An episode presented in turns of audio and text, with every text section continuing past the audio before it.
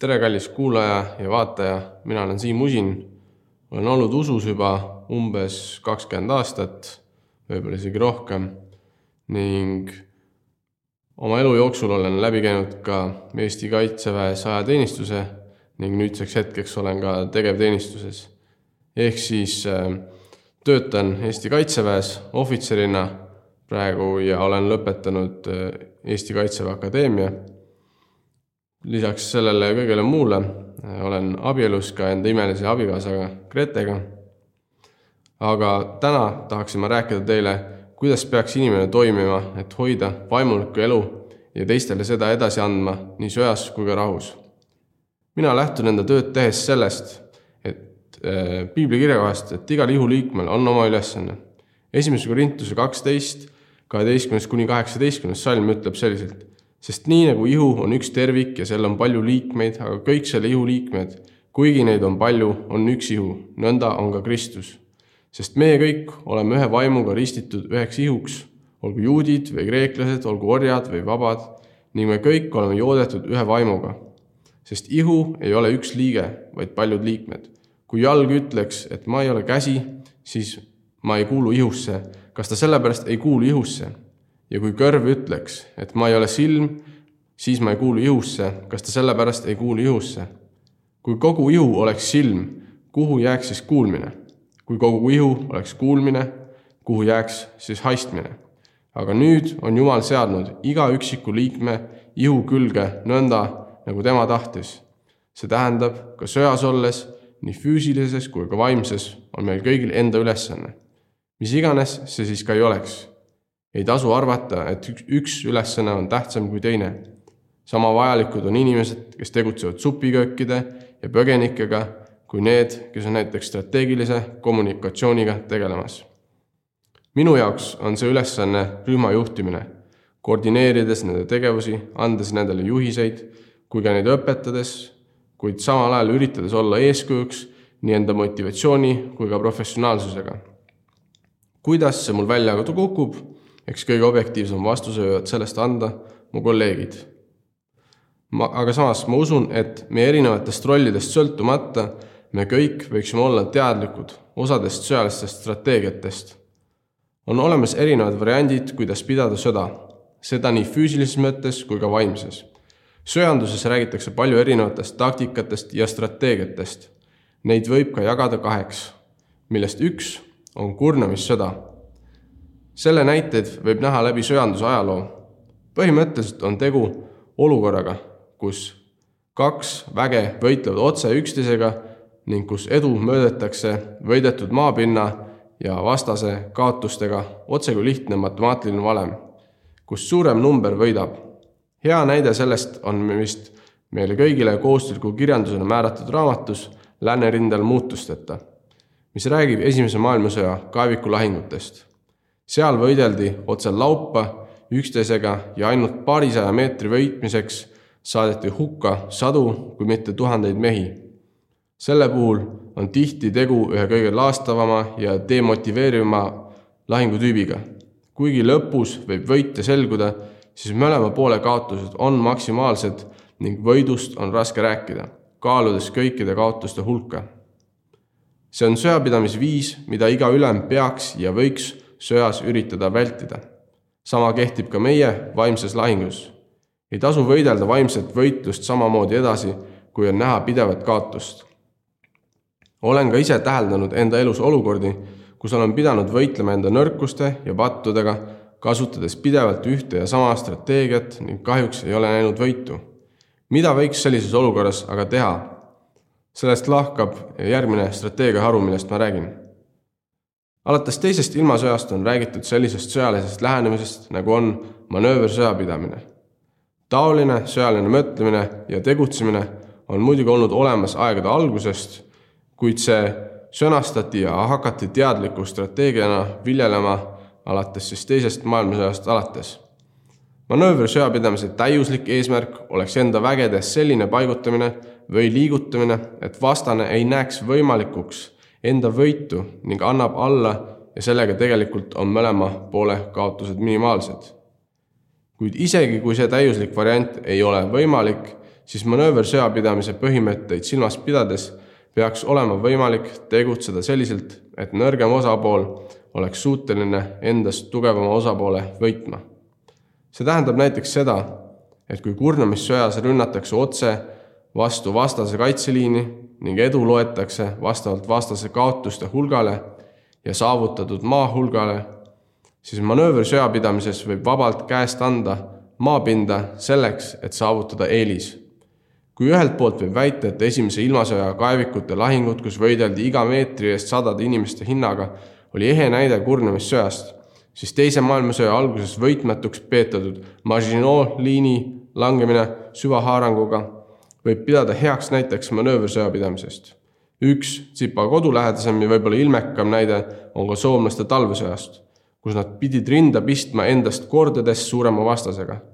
kui tolleaegsed venelased pidasid enda tulejõudu, soomust ja inimressurssi mitu korda suuremaks ja võimekamaks, siis kasutasid soomlased ära nende nõrkusi, otsustasid ise lahingute pidamise asukohad ning ei võidelnud nendega laupa, mis oleks andnud punastele võimaluse kasutada nende tugevusi.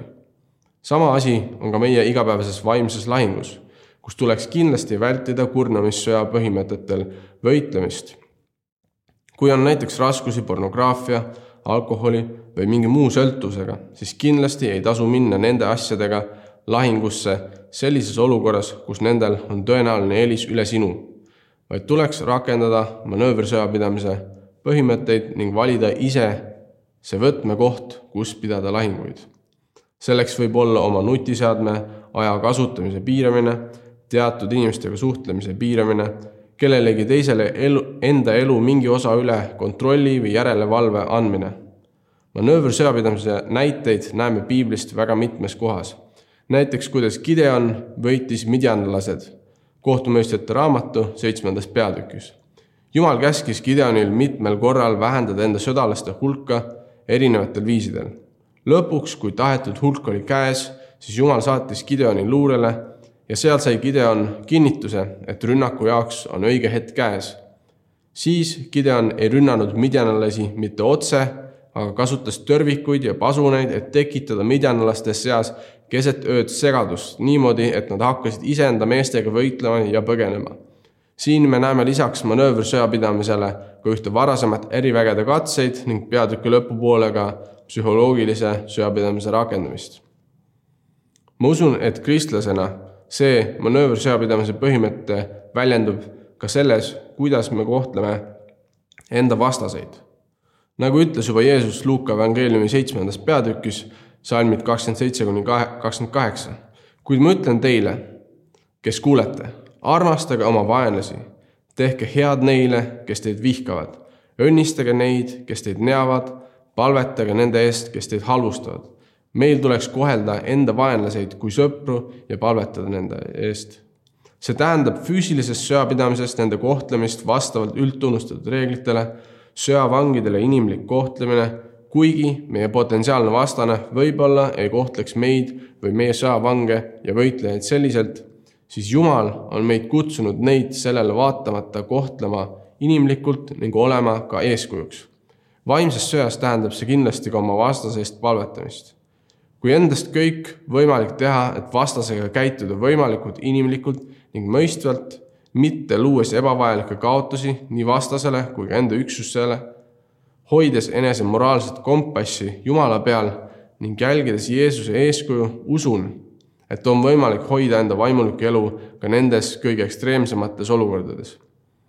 Õnneks mina ei ole ise olnud sõjaolukorras, saan väita seega ainult teoreetiliselt, kuid loodan, et kui tõesti peaks olukord selleni jõudma, siis ka mina suudan ise hoida kinni Jumala sõnast ja tema juhistest nendes olukordades minu enda isiklikust vaimsest sõjapidamisest võin näiteks välja tuua isiklikud probleemid, millega ma olin ennem lihtsalt üksi võidelnud ehk pidanud tühja kurnamissõda, mille tulemuseks ma mingi hetk arvasin, et ma ei ole Jumala armastuse jaoks piisavalt hea, kuna ei suutnud võita ja ennast muuta.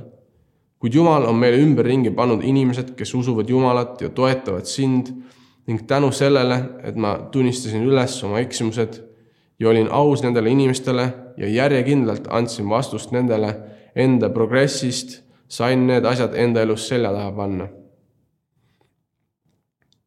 teistele vaimulikku elu edasi andes sellistes olukordades ma usun, et peaksime kindlasti aru saama ja ka edasi kommunikeerima selle elu kaduvusest ning igavese elu tähendusest. siin võiks vaadata süvitsi, mis on see asi, mille nimel tegelikult võideldakse. nagu ütleb meile ka piibel salmis sada kolm, viisteist kuni kaheksateist. Inimese elupäevad on nagu rohi, ta õitseb nõnda nagu õieke väljal. kui tuul temast üle käib, ei ole teda ja tema ase ei tunne teda enam. aga issanda heldus on igavesest igavesti nendele, kes teda kardavad ja tema õigus jääb laste lastele.